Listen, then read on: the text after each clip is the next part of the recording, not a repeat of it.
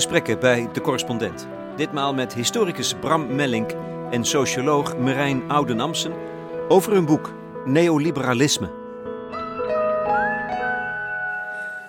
Oudenamsen en Mellink hebben een Nederlandse geschiedenis geschreven, maar die begint in het buitenland. Aan het eind van hun boek citeren zij de vermaarde Britse econoom John Maynard Keynes.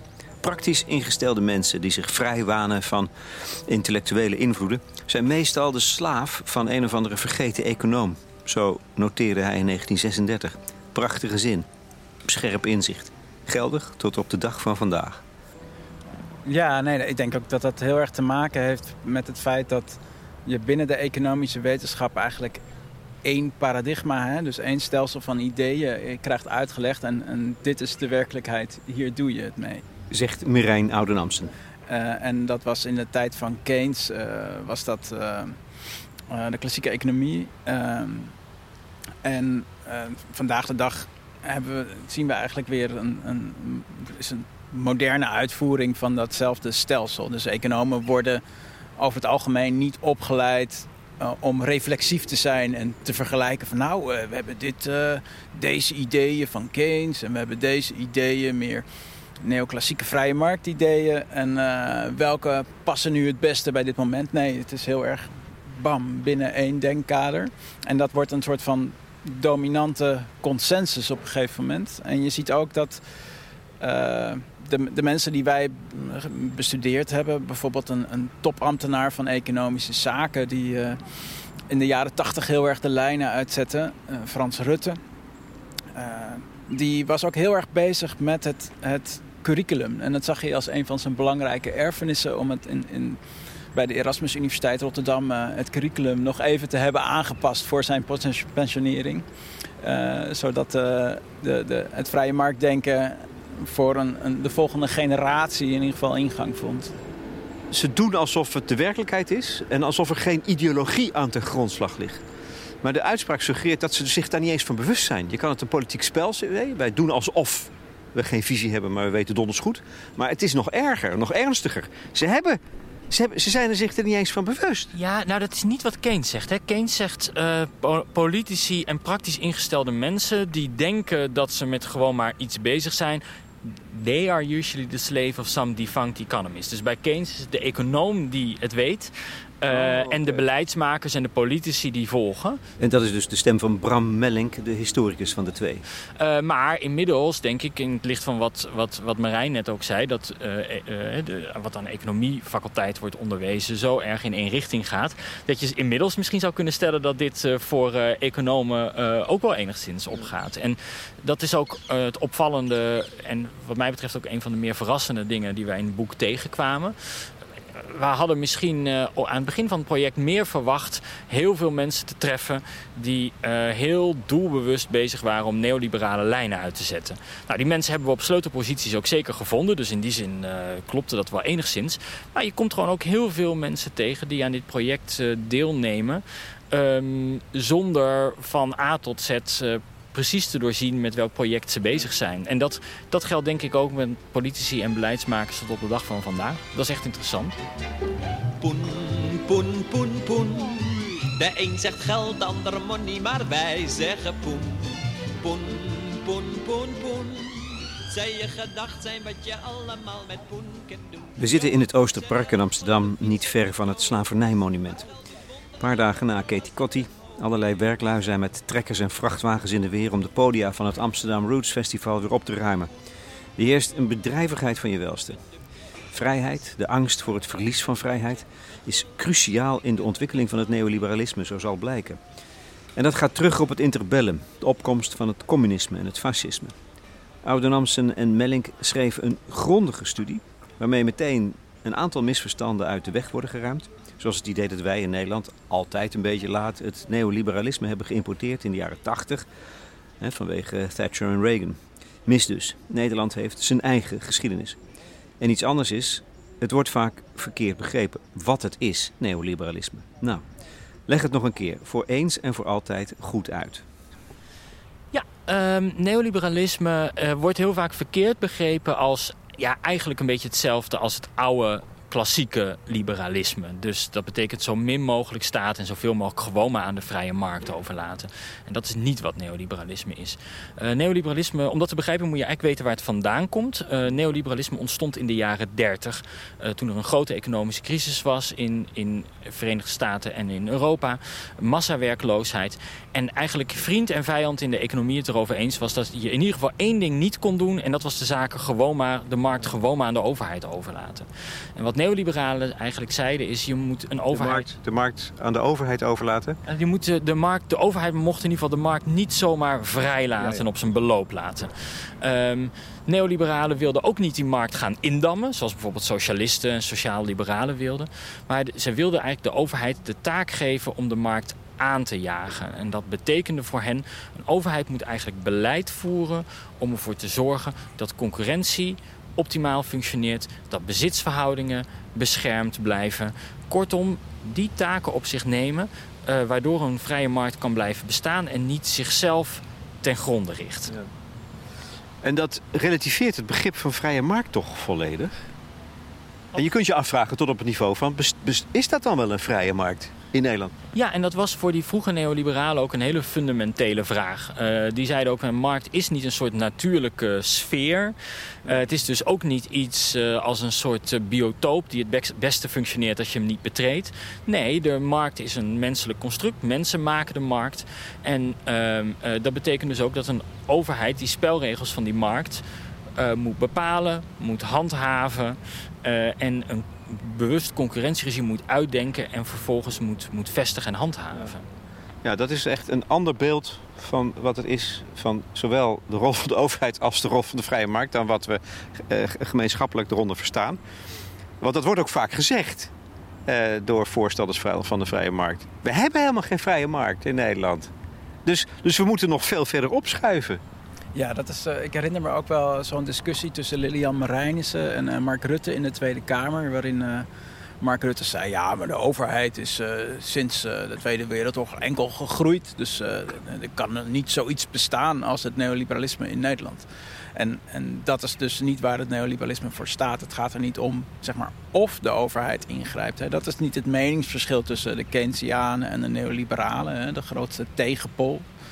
Um, maar het gaat erom om de manier hoe de overheid ingrijpt. Dus je kan uh, zeker een, een vrij grote overheid hebben, maar die heel erg bezig is om marktwerking uh, te vestigen op allerlei terreinen en concurrentie aan te jagen. En we hebben ook, en dat is denk ik heel uh, waar, waar Nederland uitzonderlijk in is, dat de vermarkting van de publieke sector zelf heel erg ver gegaan is in Nederland.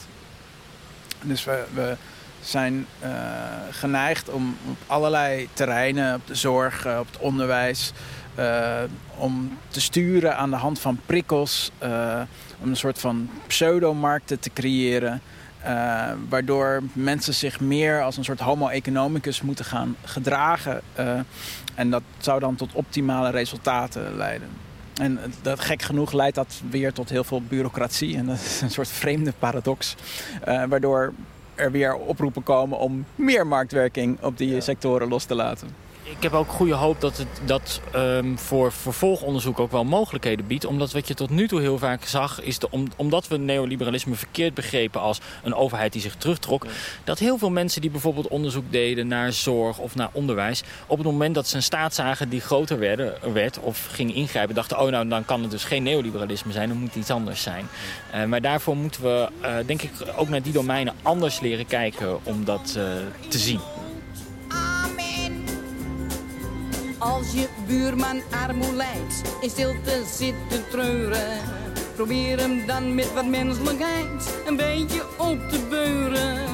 Oh, we benden op de wereld om elkaar, om elkaar, om elkaar, om elkaar te helpen, niet waar? Ja! We benden op de wereld om elkaar, om elkaar, om elkaar, om elkaar te helpen, Het speelveld in neoliberalisme wordt gedomineerd door twee spelers. Keynes versus Hayek. De Brit tegenover de Oostenrijker. En het Nederlandse economische beleid schommelt decennia lang heen en weer tussen deze twee polen, tot de balans doorslaat. Keynes die staat voor sociaaldemocratie. Hij propageerde een vraageconomie. De overheid doet er goed aan om welvaart te creëren in tijden van crisis. Lijnrecht daartegenover Hayek, de neoliberaal. Die pleitte voor een aanbodeconomie. Laat crisis hun werk doen, zo wordt het rotte fruit vanzelf opgeruimd. Ja, ik denk dat het in de gelederen van Hayek en consorten maar om één belang gaat. Dat van het bedrijfsleven, de industrie, de ondernemers, het kapitaal. Kortom, de bazen. Ja, nou ja, je moet het wel enigszins nuanceren, want uh, in... Liever niet. ja, uh, maar het is wel zo dat, dat uh, de belangen van de vakbonden veel zwaarder wogen in dat, in die, dat Keynesiaanse beleid van de jaren, nou, midden jaren 60 tot midden jaren 70. Hè. Dat, is, geldt ook de, de, de, als de periode van linkse dominantie. Zelfs al waren er niet altijd linkse regeringen aan de macht. en de, het, het, aanbodbeleid, dus een, een, beleid waarin de overheid uh, bezig is om het vestigingsklimaat zoveel mogelijk te verbeteren. Dat is natuurlijk zeer, uh, ja, dat staat heel erg in dienst van het bedrijfsleven. Uh, dus in die zin, grof gezien klopt het, maar de nuancering is uh, dat er ook heel veel bedrijven waren die een, een, voordeel hadden bij dat Keynesianisme. Omdat hè, die, die arbeiders kregen heel veel loon. En met dat loon konden ze weer heel veel producten kopen. Waardoor het redelijk goed ging met, met allerlei Nederlandse bedrijven op de, de binnenlandse markt. En wat je dus ziet met dat aanbodbeleid is... Um, dan gaat het meer over van we moeten de lonen matigen hè, en we moeten zo gunstig mogelijke uh, productieomstandigheden creëren in Nederland. En dat is, uh, daardoor hebben we in de, de, werknemers in Nederland krijgen minder van het inkomen. Hè. De arbeidsinkomensquote, zoals het genoemd, gaat omlaag. Uh, en de bedrijven krijgen meer winsten. Maar dat is vooral goed voor de exportsector. Want als je bij het midden-kleinbedrijf zit bijvoorbeeld, als je de bakker bent, dan heb je ook vind je het eigenlijk ook heel fijn als mensen veel te besteden hebben. Ik kom zo meteen nog even op de typisch Nederlandse ontwikkeling terug. Want dat is ook waar jullie eigenlijk natuurlijk over schrijven. Um, maar eerst moeten we het even hebben over de Mont Pelerin Society. Het klinkt als een heel duister genootschap of als iets als de Club van Rome. Maar het bestaat echt en het speelt een cruciale rol. En een hele eigen rol ook. Ja, zeker. Uh, Mont Pelerin Society is een club die in uh, 1947 werd opgericht. Kort na de Tweede Wereldoorlog dus. Uh, door Friedrich Hayek met een aantal anderen. Met de bedoeling om een nieuwe liberale koers uit te zetten. En ik zei eerder al dat het klassiek liberalisme was dood. Daar was iedereen het wel over eens. De overheid moest gaan ingrijpen om concurrentie te bevorderen. Nou, hoe ging je dat dan doen? Hoe ging je dat neoliberalisme vormgeven? Daar ging het bij die Mont Pelerin Society over. En um, die Mont Pelerin Society is natuurlijk belangrijk geweest voor die ideeënvorming. Maar het was ook een soort internationaal kruispunt. Een uh, Nederlandse journalist in, uh, in uh, omstreeks... Wacht even totdat ja. die, dit voertuig voorbij is. Imagebuilding.com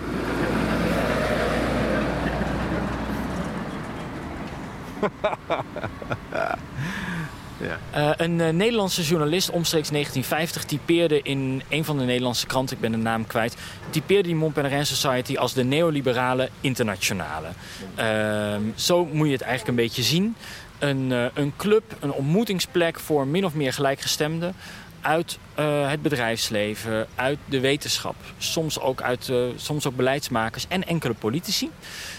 Die bij elkaar kwamen om zich op een nieuwe neoliberale koers te bezinnen.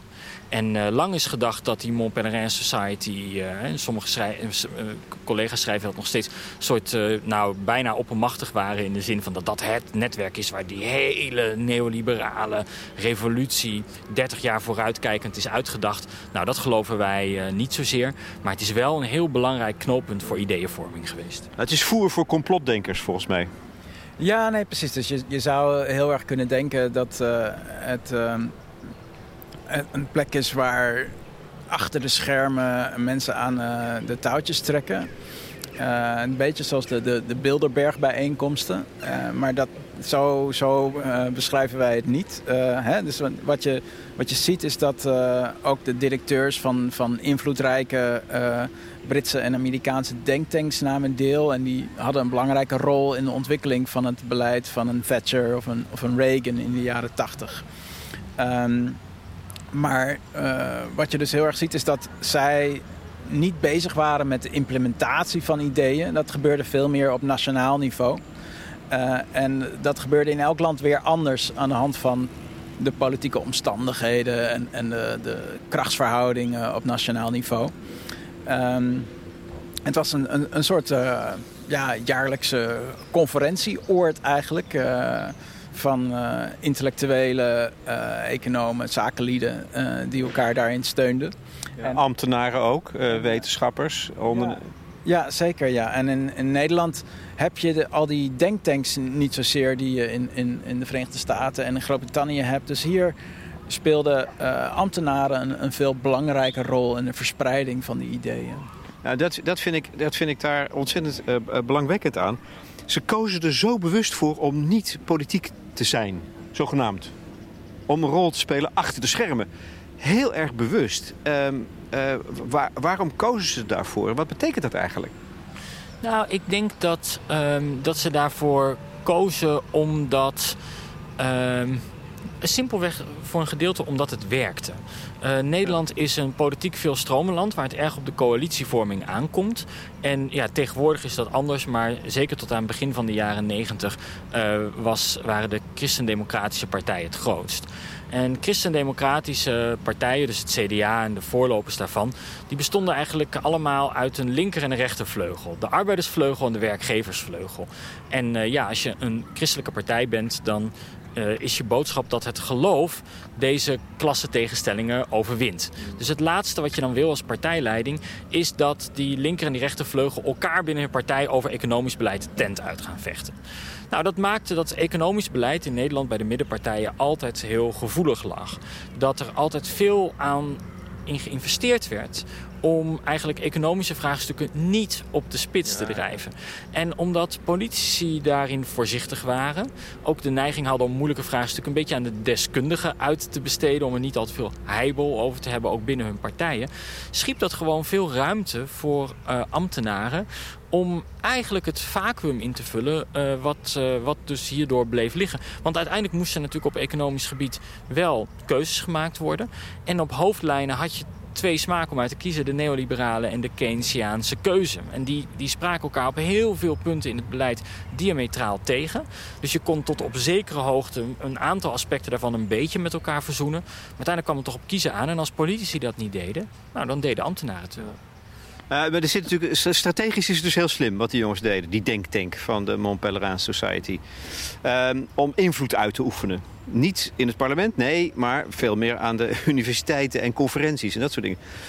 Maar ik denk ook dat dat komt omdat er, en dat, dat vind ik dan toch ook schokkend hoor, dat er in de kern, maar dat is een vraag aan jullie, in, zit er in de kern van dat gedachtegoed in wezen iets antidemocratisch? Ja, nou ja, dat is zeker een belangrijk element in dat denken. Hè? Dus de, de oprichters van de Mont Pelerin Society, Hayek, maar ook zijn uh, leermeester uh, Ludwig von Mises... Um, die hadden een idee ontwikkeld uh, in het interbellum ten tijde van de opkomst van de massademocratie. Zoals dat toen genoemd werd. mensen kregen voor het eerst stemrecht, socialistische bewegingen kwamen op... Uh, die een, een, een, ander beleid voorstonden dat tot dan toe gebruikelijk was. En uh, dat werd door Von Mises en, en Hayek uh, gezien als een bedreiging van, van de liberale orde. dus zij vonden eigenlijk dat het beleid gedepolitiseerd moest worden, zoals ze dat dan zeiden. En dat betekende dus eigenlijk dat overheden zo min mogelijk discretionaire bevoegdheid moesten hebben om die markt te corrigeren. En, en zij, zij dachten dus eigenlijk van ja, er moet een, een, een soort marktorde, een, een algemene spelregels moeten worden gecreëerd. En, en die, die, die, die verschaft de overheid. Maar de overheid moet zelf niet aan het spel mee gaan doen. Dus de overheid moet geen prijzen gaan bepalen of industrieën gaan opzetten of hè, uh, lonen gaan bepalen. Want dat is allemaal super problematisch. En dat wilden natuurlijk heel veel mensen die op de, de linkse partijen stemden, die wilden dat maar al te graag. Dus daar, in, in zekere zin zagen zij dus een, een, een grote dreiging voortkomen uit de opkomende democratie voor het economisch beleid. Maar dat is toch ernstig? Dat wij in wezen eh, eh, beleid, eh, door, door beleid ge- ge- geleid worden... dat in de kern antidemocratisch is. Nou ja, ik weet niet of het in de kern antidemocratisch is, maar wat het doet in elk geval is dat het een, grote do- een gro- heel belangrijk domein, namelijk van de economische besluitvorming, ehm, eh, minimaal presenteert alsof er geen democratische keuze in zou zijn.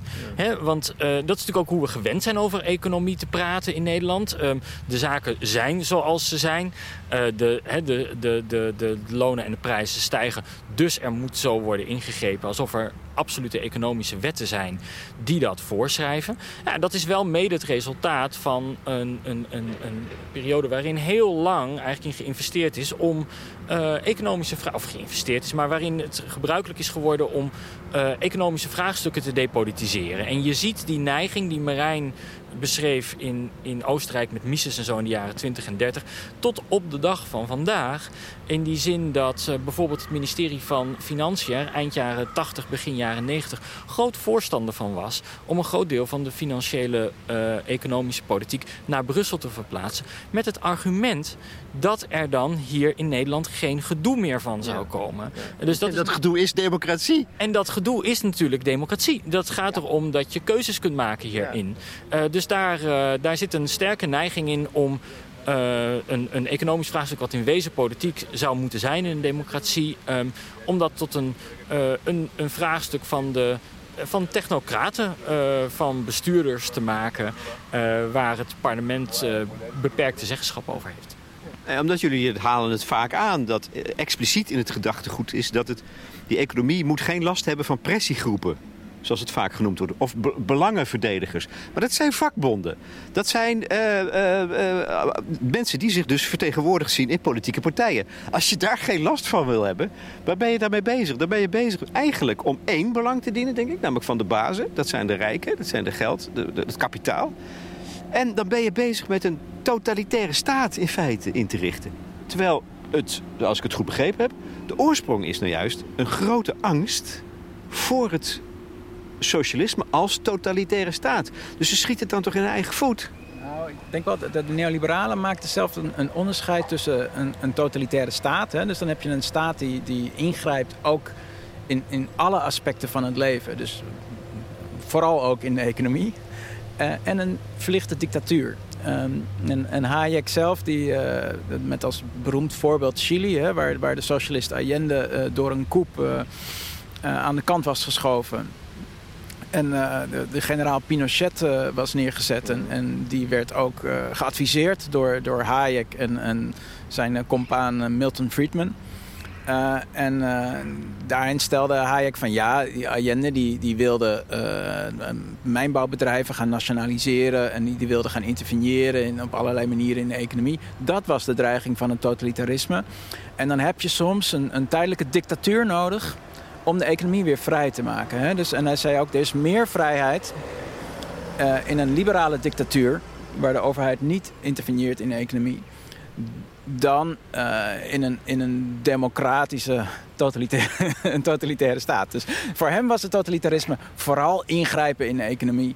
Eh, en de dictatuur was dat minder. En je ziet dus dat dat dat dat denken in de, in de jaren 60, 70 eh, bereikt dat echt een, een climax. Hè? Want dan heb je in de jaren 70 een, een situatie zoals we nu ook wel enigszins hebben. Een, een, een stagflatiecrisis, er is stagnatie van de economie. Eh, en er is, er is heel veel inflatie. Ehm, en daar proberen eh, beleidsmakers aan de linkerkant, politici, proberen daarop te reageren door meer planning en door stimuleringsmaatregelen.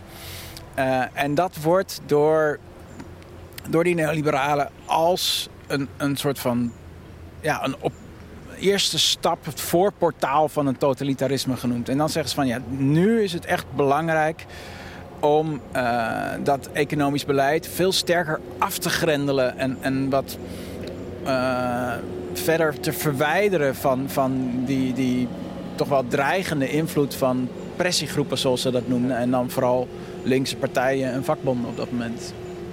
Als dat mag, eh, is dit ook nog een, een, een gelegenheid om nog eens even een heel belangrijk verschil tussen die klassiek liberalen en die neoliberalen nog eens te belichten.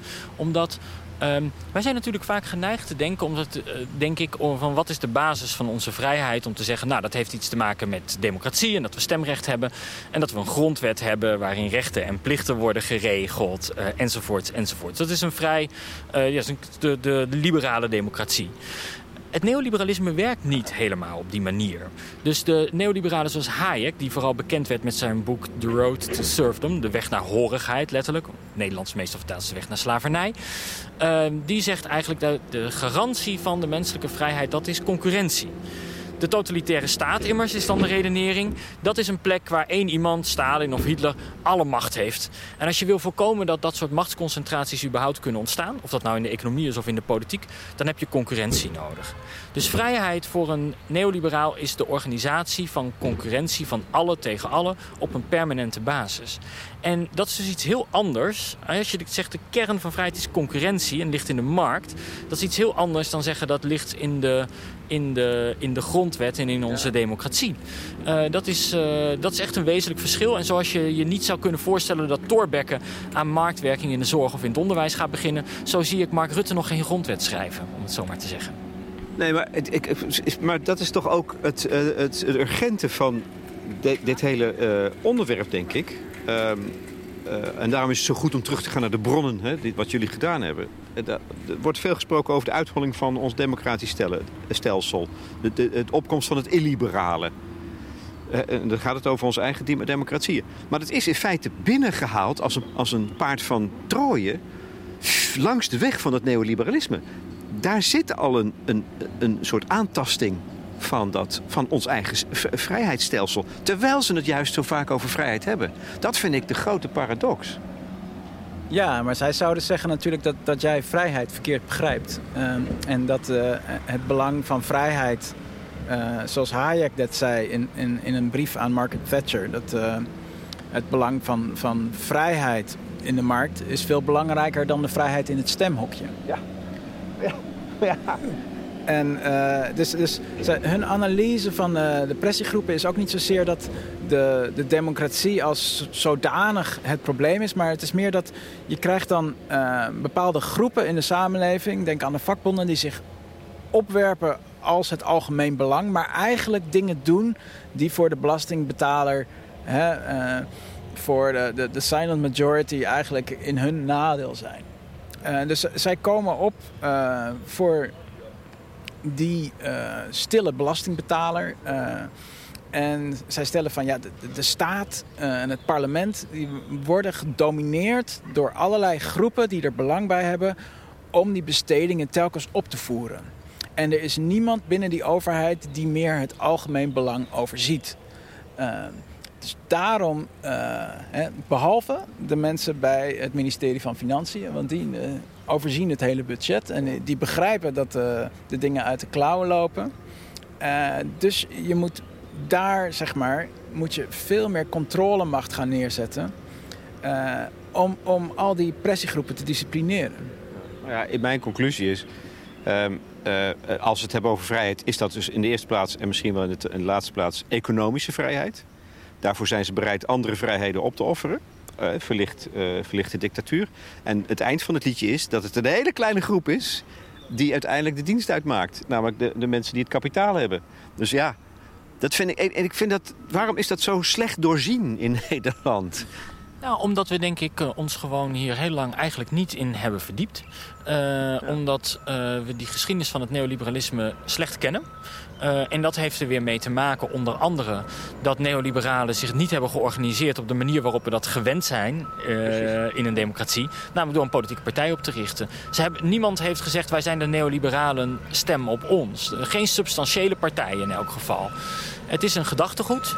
Dus dit, dit is een, een politieke beweging die zichzelf uh, uh, die de toegang tot de macht heeft gezocht via de kant van wetenschap en ambtenarij. Ehm, en waar ook, kijk, je kunt natuurlijk op allerlei manieren met dat neoliberalisme bezig zijn. Hè? En als je bezig bent een begroting sluitend te krijgen, bijvoorbeeld, en je gebruikt daar ne uh, neoliberale theorie bij, dan denk je daar misschien wat praktischer over na dan als je met die diepere bespiegelingen bezig bent. Maar die diepere bespiegeling, uh, namelijk dat, het eigenlijk de, uh, dat, dat een belangrijk deel van onze economische besluitvorming buiten de democratie zou, zou moeten liggen. Um, dat is iets wat wel, deel, wel degelijk deel uitmaakt van dit uh, gedachtegoed. En je ziet ook als je om ons heen kijkt uh, wat, uh, hoe, het economisch debat nu verloopt, dat dat dus consequenties heeft. Zing, vet, huil, bid, lach, werk en bewonder. Zing, vet, huil, bid, lach, werk en bewonder. Zing, vecht, huil, bid, lach, werk en bewonder. Zing, vecht, huil, bid, lach, werk en bewonder.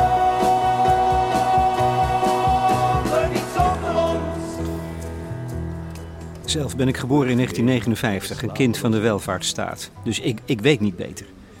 En ik verbaas mij erover dat de verworvenheden van de sociaaldemocratie de laatste tijd in hoog tempo zijn ontmanteld. Hoe is het mogelijk? Alles bij het grof vuil. Nou, Marijn Ouden-Amsten en Bram Mellink geven met hun studie neoliberalisme wel degelijk een aanzet tot een verklaring, een mogelijke verklaring. Het neoliberale is veel meer geworteld in Nederland dan de sociaaldemocratie. Het heeft een langere geschiedenis. Verbazend. De welvaartsstaat is in de jaren 60 opgebouwd onder neoliberale kabinetten. Min of meer à contre-keur. Nou, opgebouwd door neoliberalen niet, maar wel door centrumrechtse kabinetten die daar eigenlijk niet aan wilden of daar op zijn minst grote bedenkingen bij hadden. De verzorgingsstaat is in de jaren 60 pas geëxplodeerd. Veel later dan meestal wordt aangenomen. Hè. Meestal wordt gezegd, ja, onder Drees zou de verzorgingsstaat uh, zijn opgebouwd. Vijf, de jaren 50 dus? In de jaren 50 inderdaad. En... Uh, maar daar is eigenlijk gewoon heel weinig bewijs voor. Dus als je kijkt naar wat er in de, onder Drees is gerealiseerd... die is tien jaar lang van 48 tot 1958 premier geweest... is eigenlijk hoofdzakelijk de Algemene Ouderdomswet, de AOW. Daar is Drees ook bekend om geworden. En dat is in vergelijking met het buitenland een hele karige regeling. Um, de bijstand was nog geregeld in een armenwet uit 1854. Er was nog geen algemeen uh, nationaal dekkend systeem van uh, uh, volksgezondheid. Al die dingen komen uit de jaren 60. En uh, dat die verzorgingsstaat er uh, mee te, uh, toch is gekomen... heeft eigenlijk grotendeels te maken met een soort neveneffect... van neoliberaal, deels neoliberaal beleidsfalen. En dat zit als volgt. we hebben het eerder gehad over die aanbodeconomie van Nederland. de neiging om te zeggen... als we nou eens bedrijven in de exportsector... heel weinig belasting laten betalen... en de lonen van arbeiders als overheid onder de marktprijs houden. Dat heette in de jaren 50 de geleide loonpolitiek. Nou, dan is 1 en 1 2. Bedrijven betalen heel weinig belastingen in de eerste plaats. En in de tweede plaats um, um, hebben ze weinig loonkosten. Dat betekent dat je kunt produceren tegen, bodem, tegen een bodemprijs. En daarmee kun je je goederen op de internationale exportmarkt goedkoop afzetten. Het idee was dat als je dat zou doen, uh, dat er dan uiteindelijk ook in die exportsector ja, bedrijven steeds meer winsten maken, gaan groeien, gaan uitdijen. Dus dat creëert uiteindelijk werkgelegenheid. Nou, historici voor ons, uh, daar hebben een aantal van gezegd van... hé, hey, dit creëert werkgelegenheid, dat zal dan wel Keynesiaans zijn geweest. En maar als je goed kijkt naar wat daar gebeurt, is dat niet Keynesiaans. Dit is geen vraagsturing door de consument een hoog loon te geven. Het is het precies het tegenovergestelde. Nou, dat beleid heeft waanzinnig goed gewerkt. Die exportsector is enorm gaan groeien. Maar zo hard gaan groeien dat in 1962 er uh, nog maar 32.000 werklozen waren in Nederland... maar 73.000 vacatures. Nou, als, je, um, als arbeid zo schaars wordt, dan wordt die arbeid duurder. Dat is de wet van vraag en aanbod. Wat betekende dat? Dat betekende dat omdat werkgevers gewoon niet meer aan werknemers konden komen... dat ze illegaal zwarte lonen gingen uitbetalen aan die werknemers. Om maar arbeidskrachten vast te houden. Want het was altijd nog duurder dan... Uh, het was altijd nog goedkoper om die mensen meer loon te geven... dan om uh, niet te kunnen produceren. Uh, dat is gebeurd. Die lonen zijn gaan stijgen. Stijgende lonen leiden weer tot stijgende prijzen. Want de bakker wil dan ook meer verdienen. leidt weer tot stijgende lonen. En daar kwam men eigenlijk in Nederland gewoon niet uit. Uh, hoe men met dat probleem moest omgaan. En de vakbonden hebben dat aangegrepen in 1963 bij de kabinetsformatie... om tegen een rechtskabinet in wording te zeggen... wij willen nog wel één keer naar onze arbeidersachterban teruggaan... om te zeggen, jongens, die lonen moeten weer omlaag... Maar ja, de arbeider heeft nu met zijn ingehouden loon al 15 jaar de eh, prijs voor de wederopbouw betaald. Uh, dat kunnen we ook niet tot in oneindige doen. Dus ter compensatie willen wij een grotere publieke sector. Beter onderwijs, betere zorg enzovoort. En zo heeft de rare situatie kunnen ontstaan dat in de jaren 60... toen de Partij van de Arbeid op één jaar na in geen enkel kabinet heeft gezeten... toch de verzorgingsstaat is geëxplodeerd. Terwijl die P van de A zelf in de jaren 50 tien jaar in de regering heeft gezeten, zelfs de premier heeft geleverd en nauwelijks een hand heeft gehad in de opbouw van de verzorgingsstaat. Mijn avond kan niet meer Suzanne, Suzanne,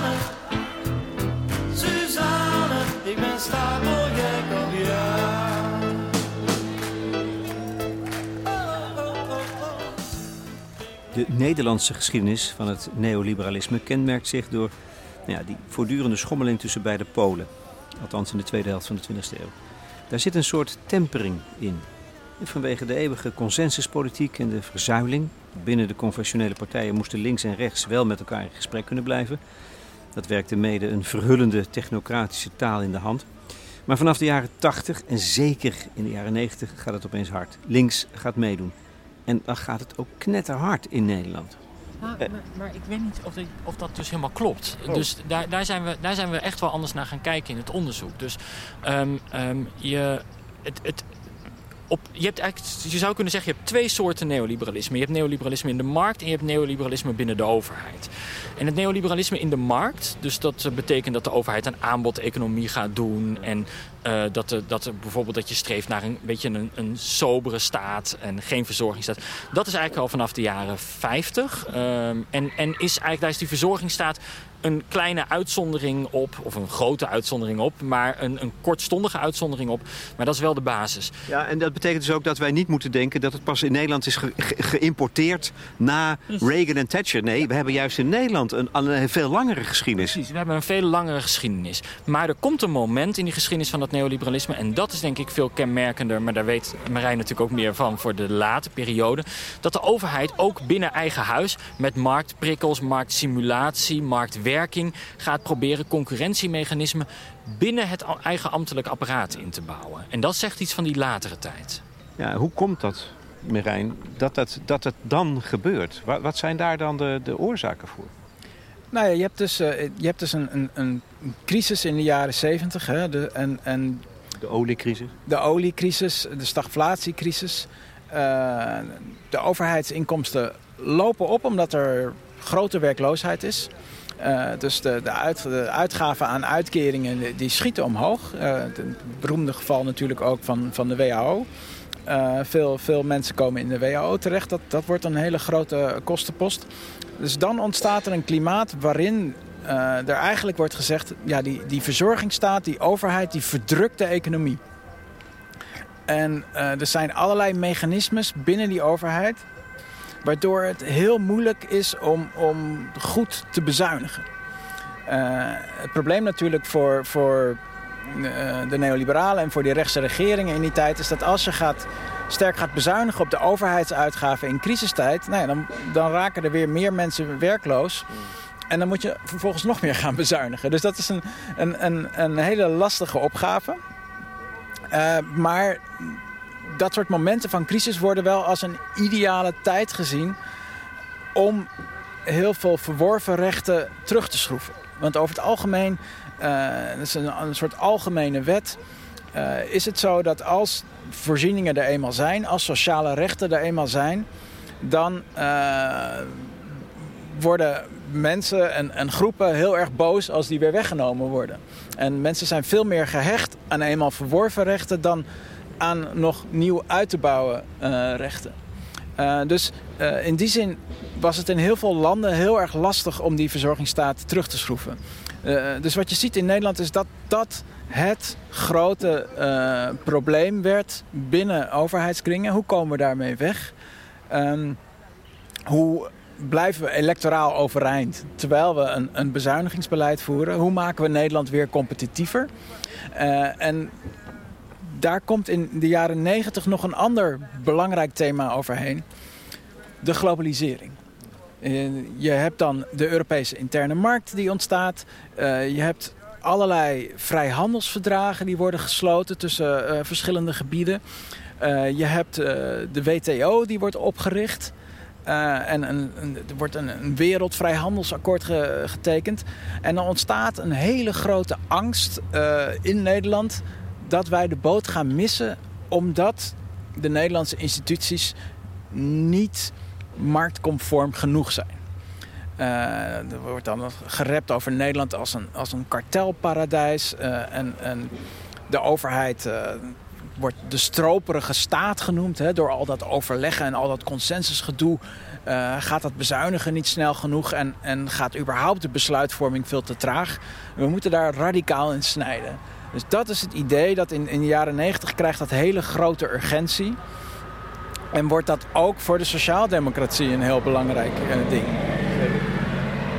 Gaat dat ook binnen de sociaaldemocratie leven. Daar ontstaat de gedachte van als we een, een meer marktgericht beleid gaan vormen, dan houden we daar geld aan over. En dat kunnen we dan weer besteden aan uh, de mensen aan de onderkant van de samenleving. En zo krijg je een win-win situatie. Dat was het idee van de derde weg in de jaren negentig. Alleen toen eenmaal uh, er weer een crisis uitbrak, toen, toen bleek dat het de win-win situatie eh, ook een min-min situatie kon worden.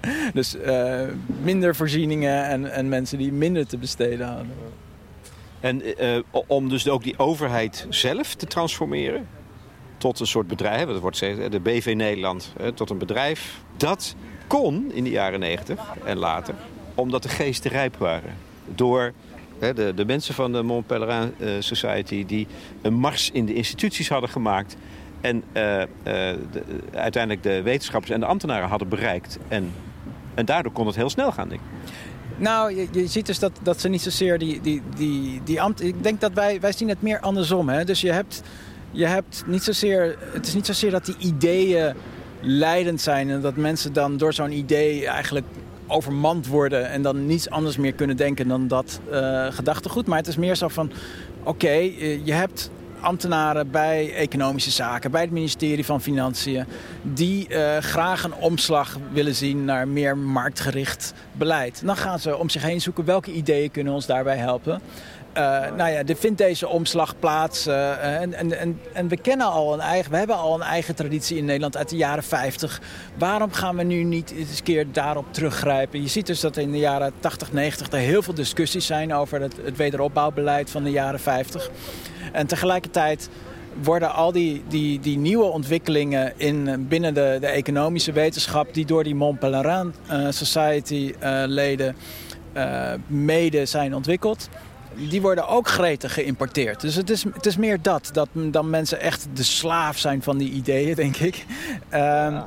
En, ik denk maar steeds aan John Keynes. Ja, ja, ja, ja, ja John, John Maynard Keynes die had daar een, een, een, wel een belangrijk punt te pakken. Maar hij, hij overdreef dat natuurlijk ook een, een beetje voor effectbejag. En uh, ja, het, is, het klopt zeker dus dat, dat je dat, dat idee dat het bedrijfsleven veel efficiënter is dan de overheid dat wordt echt heel erg dominant in de jaren 80.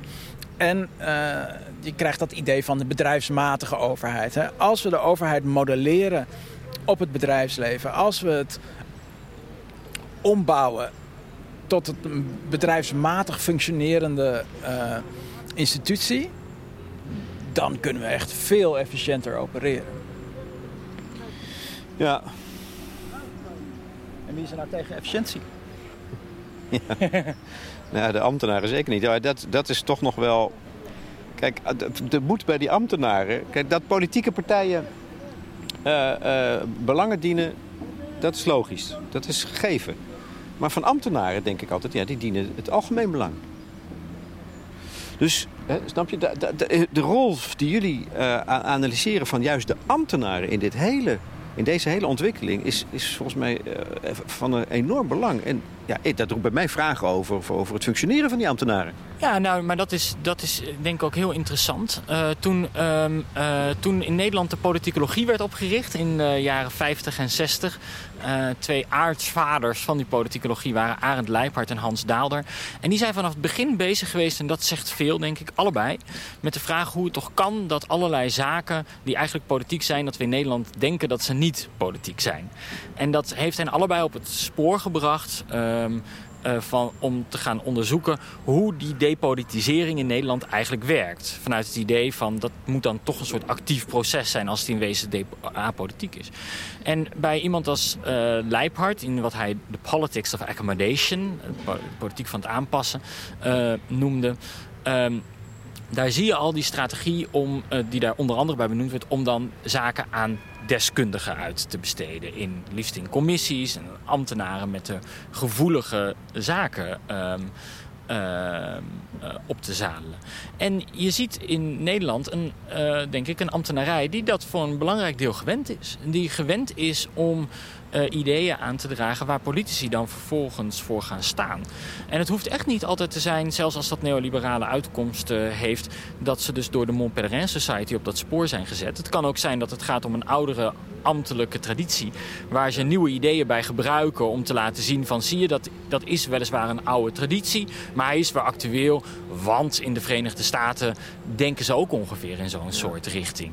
En het is natuurlijk heel verleidelijk om op het moment dat je, laten we zeggen vanaf de jaren 70, 80 ideeën uit de Amerikaanse Chicago School, wat bekend staat als een neoliberaal bolwerk, ziet komen, om dan te denken, oh dat hebben ze dus allemaal uit de VS gecopy-paste. Maar het kan ook zijn, eh, hè, wie gebruikt wie, eh, dat het ambtenaren zijn die toch al een beetje op zo'n spoor zaten en denken, ah dit kunnen we mooi gebruiken in dit stuk om te laten zien eh, dat dit weer leeft. En, en dat is denk ik een soort weg die ook in het internationale onderzoek hiernaar nog wel eens wordt onderschat. Dat mensen te veel denken dat het een soort top-down is van Mont Pelerin heeft het zich over de wereld verspreid.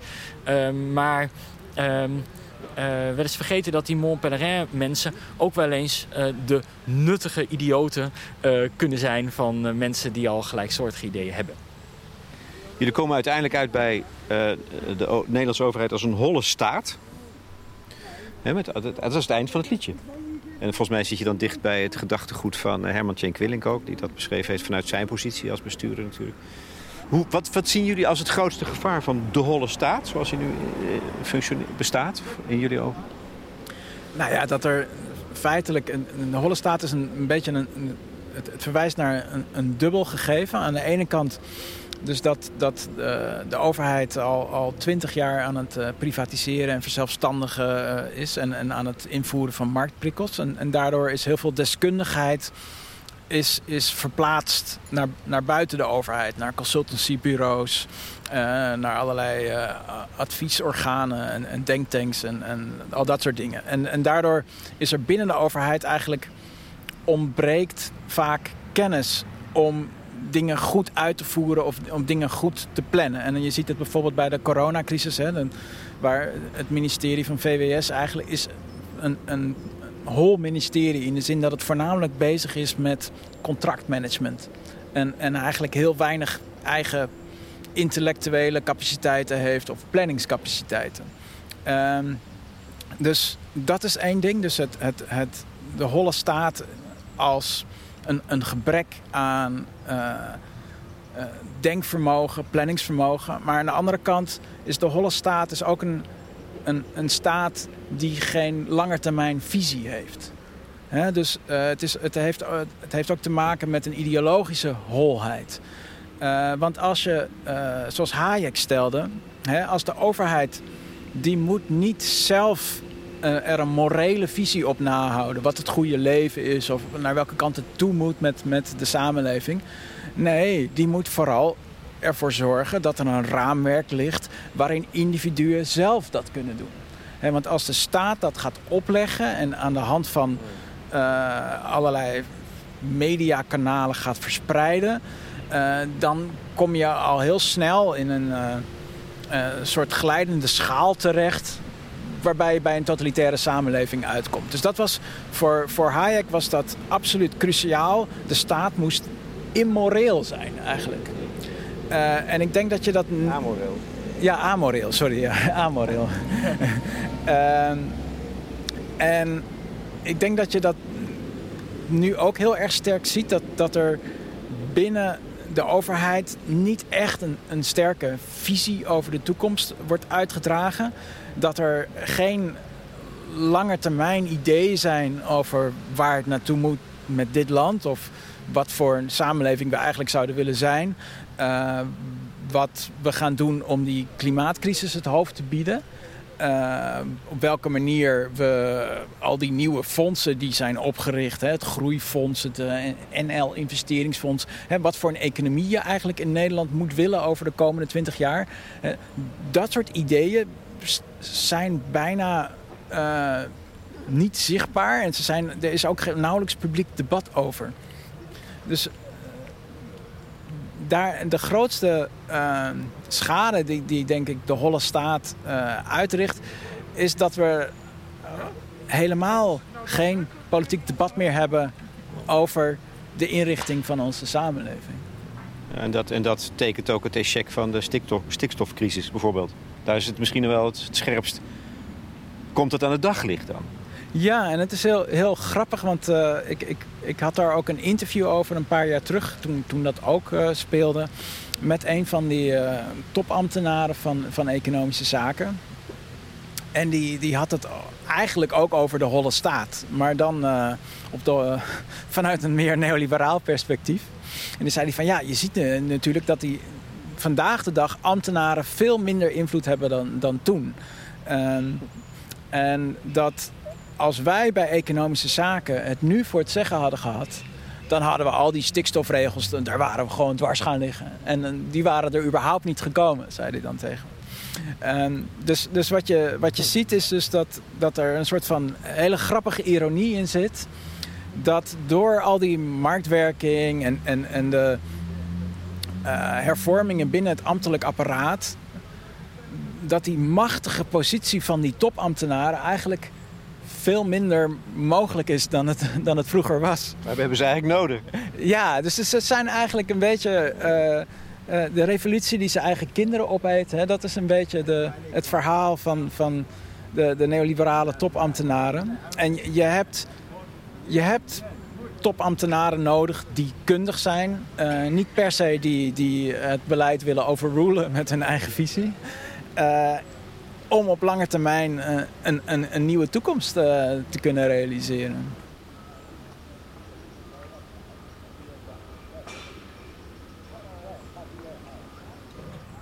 Jullie schrijven behoorlijk neutraal, als wetenschappers natuurlijk, over dit onderwerp. Maken jullie zorgen eigenlijk? Oeh, um, nou ik maak me eigenlijk meer zorgen over dat we een beetje in, in slaap sukkelen door de, de stasis waar, waarin dit alles uh, uh, zich in bevindt. Hè? Dus we, we, we, ik ben nu al, ik weet niet, heel erg lang heb ik het gevoel dat we in een soort crisis ons bevinden. En ik heb het gevoel dat, dat de geluiden over dat er een, een crisis is en dat er urgentie is, dat dat, dat niet meer doordringt. Hè? En dan moet je denken aan het, het sprookje van die, die jongen die uh, uh, waarschuwde voor een wolf. En uh, de derde keer was de wolf er echt. En toen hoorde niemand dat meer. En, en volgens mij leven we in een dergelijk moment dat mensen een enorme eeltlaag hebben gekregen voor politieke urgentie of politieke dramatiek. Ja, de, de, crisis stapelen zich op. Maar wat is de overheid? Ja, die, die kunnen dan een beetje doorsukkelen en, en de boel laten waaien. Maar echt iets aanpakken. Niemand heeft meer dat geloof in de politiek. En, en daar maak ik me het meeste zorgen over, denk ik. Dat we eigenlijk met z'n allen heel erg cynisch worden. Zien jullie tegenkrachten? Een, andere, een, een andere denktank als de Mont Pelerin, die zoveel invloed heeft gehad, juist buiten de politiek om, eh, is er een tegenkracht mogelijk? Ja, ik zie wel iets van tegenkrachten. Uh, kijk, uh, ik denk dat, en dat is een andere manier om de vraag toch te beantwoorden. Een van de dingen waar ik mij zorgen om maak, is dat, dat iedereen hier eigenlijk elkaar of Den Haag de schuld van geeft. Um, natuurlijk gaan er in Den Haag een aantal dingen echt niet goed. Dat hebben we met dit boek ook al willen laten zien. Maar het is ook wel een geëngageerd boek in de zin van proberen een bijdrage te leveren door, uh, door deze geschiedenis zichtbaar te maken en mensen in staat te stellen om dingen te doen. En ik heb bijvoorbeeld heel veel bewondering voor de studenten internationaal en ook in Nederland uh, die deel uitmaken van het netwerk Rethinking Economics. En die eigenlijk heel concreet aan de slag zijn gegaan om te kijken of ze het uh, economiecurriculum kunnen veranderen. Om ervoor te zorgen dat er in ieder geval niet één visie in wordt uitgedragen. Dat studenten met meerdere visies bekend raken en de grondslagen van economisch denken beter begrijpen. En dat je tegen dingen verschillend aan kunt kijken. Kortom, die eigenlijk proberen van economie, ja, kan het niet anders zeggen, weer een wetenschap te maken. En ik denk dat dat soort initiatieven... Ik, natuurlijk denk ik niet dat Rethinking Economics aan zich genoeg zal zijn om het tijd te keren. Maar ik heb veel bewondering voor uh, mensen die zoiets constateren. De omvang ervan zien. Uh, en zich daardoor door die omvang niet uit het veld laten slaan... maar proberen gewoon concreet iets te doen om hier verbetering in, uh, in te brengen. En ja, dat is natuurlijk iets wat de geschiedenis van neoliberalisme wel laat zien. Je moet een, enerzijds een lange adem hebben. Dat gebeurt niet in een paar jaar. Uh, maar het kan wel. Het is hen ook gelukt. Mag ik jullie hartelijk bedanken. Zowel voor het boek als voor dit gesprek. Heel graag gedaan. Super. Ja, bedankt.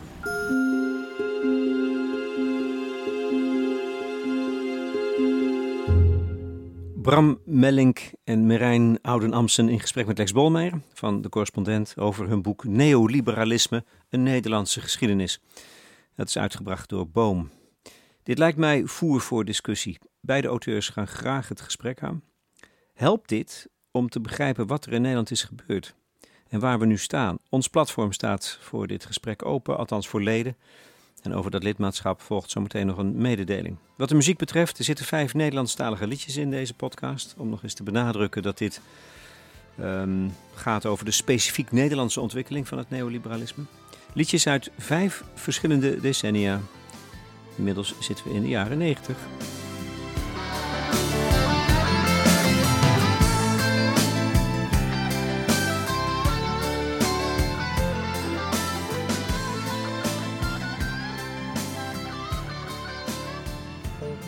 Het is de missie van de correspondent om voorbij de waan van de dag te gaan. Onze correspondenten voorzien het nieuws van context en schrijven over de grote thema's van deze tijd. De correspondent geeft me de vrijheid om mijn nieuwsgierigheid te volgen en de tijd om verhalen te schrijven. En zo probeer ik onzichtbare structuren zichtbaar te maken en een andere kijk te bieden op debatten die het nieuws domineren.